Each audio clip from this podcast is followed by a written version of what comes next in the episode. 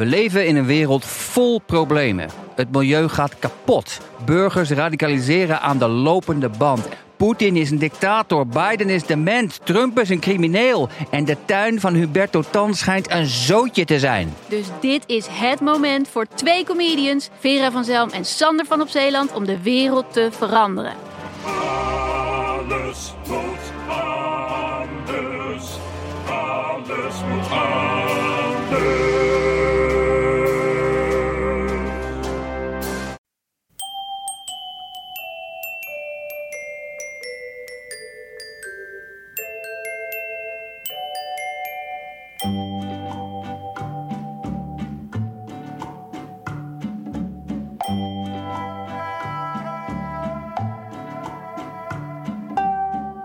Welkom bij aflevering 146 van de Echt Gebeurd podcast. Waarin waar gebeurde verhalen verteld worden door de mensen die ze zelf hebben meegemaakt. Deze keer laten we het verhaal horen van Jan-Jaap van der Wal. Het thema was post.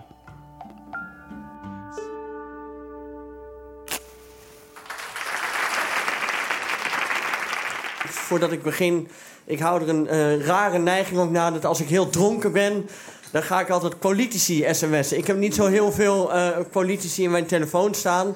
Eh, om te zijn één, Wouter Gos. En als ik dronken ben, stuur ik wel een sms. Maar goed, dat, daar vertel ik later over. Toen, ehm, toen ik hoorde dat het thema van vanmiddag kost was... toen ging mijn gedachte automatisch terug naar Carlijn Tronk uit Amersfoort... en mijzelf toen ik 14 was. En daarover gaat dit kleine verhaaltje. Ik ben 32, dus ik ben van de generatie die nog eh, brieven schrijft en schreef. En ehm, ik, ehm, ik ben niet heel vaak verliefd geweest in mijn jeugd. Tenminste, achteraf gezien. Maar eh, op Carlijn Tronk uit Amersfoort was ik wel degelijk verliefd. Ik eh, ontmoette haar altijd op mijn vakantie op Vlieland. En ieder jaar. En Carlijn Tronk vond paarden leuk. En vond Maarten leuk. En Maarten was mijn beste vriendje. En ik vond Carlijn Tronk leuk. En ehm, eh, ja, god, eh, van, van, mijn, ehm, van mijn uiterlijk moest ik het in die tijd niet hebben. Niet zozeer vanwege mijn hazellip als wel het feit dat ik extreem dunne squillekoten had. En extreem rare eh, stekels. En, ehm, en een uitstraling die erbij paste. En ik dacht op een gegeven moment, nou ja, ik moet Carlijn Tronk toch laten weten ja, wat mijn gevoelens voor haar zijn en wat zij eventueel zou mislopen. Mocht ze dit later allemaal geweten hebben, wat ik nu allemaal heb bereikt, dan had ze natuurlijk meteen ja gezegd. Maar goed, dat is altijd eh, achteraf gezien. En ik had echt mijn best gedaan op deze liefdesbrief. Ik, ehm, ik, ik had daar ook kunnen bellen, natuurlijk, uiteraard. Alleen dat, dat durfde ik niet. En ik wilde eh, datgene wat ik wilde vertellen, dacht ik... Ja, dat stuur, dat, ja, dat stuur ik er gewoon op in een brief. En eh, ik weet nog heel goed dat ik een heel weekend heb ik over deze brief gedaan. Maar je moet zich voorstellen, eh, dat is dus echt een hele zaterdag. En dan ook nog eens een keer een hele zondag. En eh, het liefst had ik hem ook nog maandag had ik er nog wel aan werken en dinsdag. Maar ik dacht, nee, ik kost hem dan zondagavond. En ehm, nou goed, wat er precies in die brief stond, dat weet ik niet meer. Dat doet er ook niet zo heel veel meer toe. Maar eh, eh, eh, het was wel een hartekreet. En, en waarschijnlijk heb ik er heb ik drie, vier fotjes weg moeten gooien... alvorens de uiteindelijke brief klaar was. Het adres heb ik opgeschreven in Amersfoort. Ik, ik weet het toch nog heel goed naar de brievenbus. Ik woon in Leeuwarden. En de brievenbus was zo'n vier minuten lopen. En toen ik de brief eenmaal gekost had... de weg terug naar huis voelde een beetje alsof ik ja, iets heel ergs had gedaan, zal ik maar zeggen. Het gevoel dat je denkt, oké, nu kan ik dus helemaal niet meer terug. Mijn hoofd ligt nu op het hakblok. Mijn handen zitten achter mijn lichaam vastgebonden. En nu is het aan haar om te kijken of dat mes naar beneden komt of niet. Dat was het gevoel wat ik had als 14-jarige jongen. Zwaar op de hand heette dat. Nou goed, ehm, dan ga je rekenen. Zo, het is maandag en dan denk je, nou goed, de brief, eh, de brief komt nu eh, eh, ongeveer aan. Of tenminste, het, het was zo halverwege de jaren 90. De kost had nog niet de slogan binnen een dag bezorgd. Dus ik had het dinsdag gegeven. Ik denk, nou ja, dinsdag, dan moet de brief zo ongeveer wel in Amersfoort aangekomen zijn. Eh, eh, dat voelde ik ook in mijn lijf die dinsdag. Ik zat op school en ik voelde ook echt van ja, nu eh, moet zij hem gekregen hebben. Of ze krijgt hem straks als ze thuis komt van school, van haar middelbare school in Amersfoort. En dan gaat ze die brief lezen en dan gaat ze nadenken over het antwoord. Die woensdag dacht ik, nou weet je, ze is nu waarschijnlijk dan een brief terug aan het schrijven. Donderdag dacht ik, nou ja, nu zou in theorie een brief teruggekomen kunnen zijn. Dus die dag was ik al extra zenuwachtig. En toen ik thuis kwam, keek ik op de mat, maar er lag geen brief. Die vrijdag lag er ook geen brief. Dat weekend dacht ik, nou weet je wat, net als ik... eh, ook het hele weekend om een brief eh, terug te schrijven. Dus ik geef het tot eh, volgende week maandagochtend. En dan ja, moet het toch echt wel een, een brief terug zijn. Dit duurde een week. Dit duurde twee weken. En uiteindelijk kwam er geen brief terug. En eh, zo op drie weken, een maand, begin je dan toch wel echt ja, langzaam woedende gevoelens te ontwikkelen. Dan denk je toch echt, nou ja, het begint nu eigenlijk ja, onbeschoft te worden.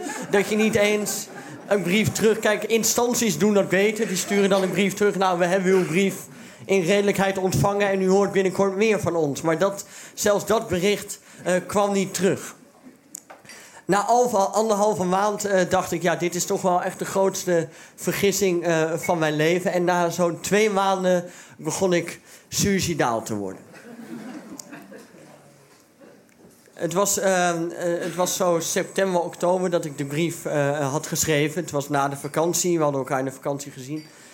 En ik merkte dat ik, ja, ik, ik wilde toch wel weten wat er aan de hand was. En eh, ik kende wat mensen om haar heen. Dit klinkt een beetje als een soort mafioze afrekening. Ik kende mensen om haar heen. Maar in ieder geval, ik, ik kende haar beste vriendinnetje... wat ook weer een kennis van mij was. En ik, ik begon zo langzamerhand eens te vragen van... Goh, eh, eh, ja, is er, heb je iets gehoord over een brief?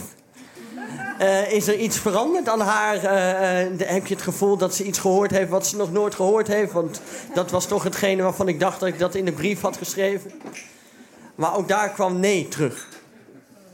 Lang verhaal, heel kort. Het wordt een lange middag. Eh, ook de zondagavond dat ik de brief verstuurd had naar Amersfoort... is er voor de eerste en naar ik weet ook laatste keer in Nederland... een kosttrein verbrand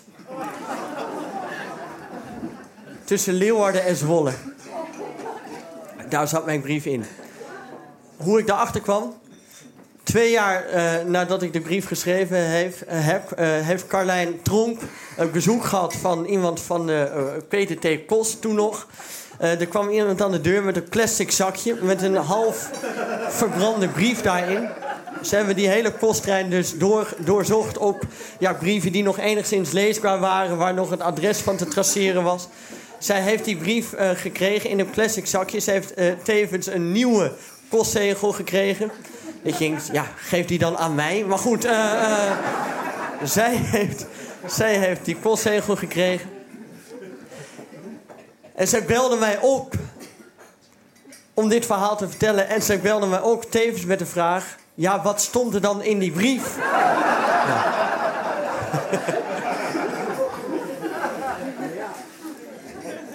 Ik zei, dat ga ik later nog wel eens vertellen. Bij deze. Ik eh, wens jullie nog een hele fijne middag.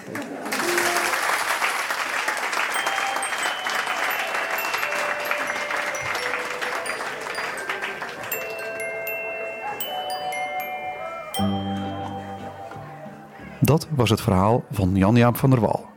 Jan-Jaap is vanaf 5 oktober te zien in het programma Control-Alt-Delete.